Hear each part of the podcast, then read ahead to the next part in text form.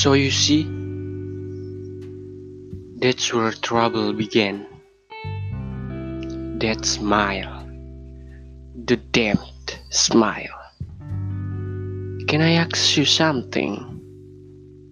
How many times did you smile while crying inside?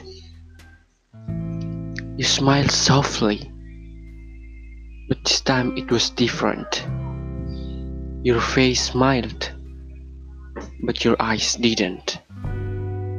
Listen, I've been thinking I love you. I'm sorry.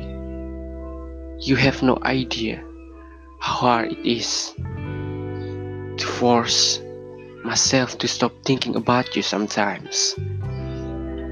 I hope you understands how much our little talks mean to me. I hope I was a chapter for you. Because for me, you were the book.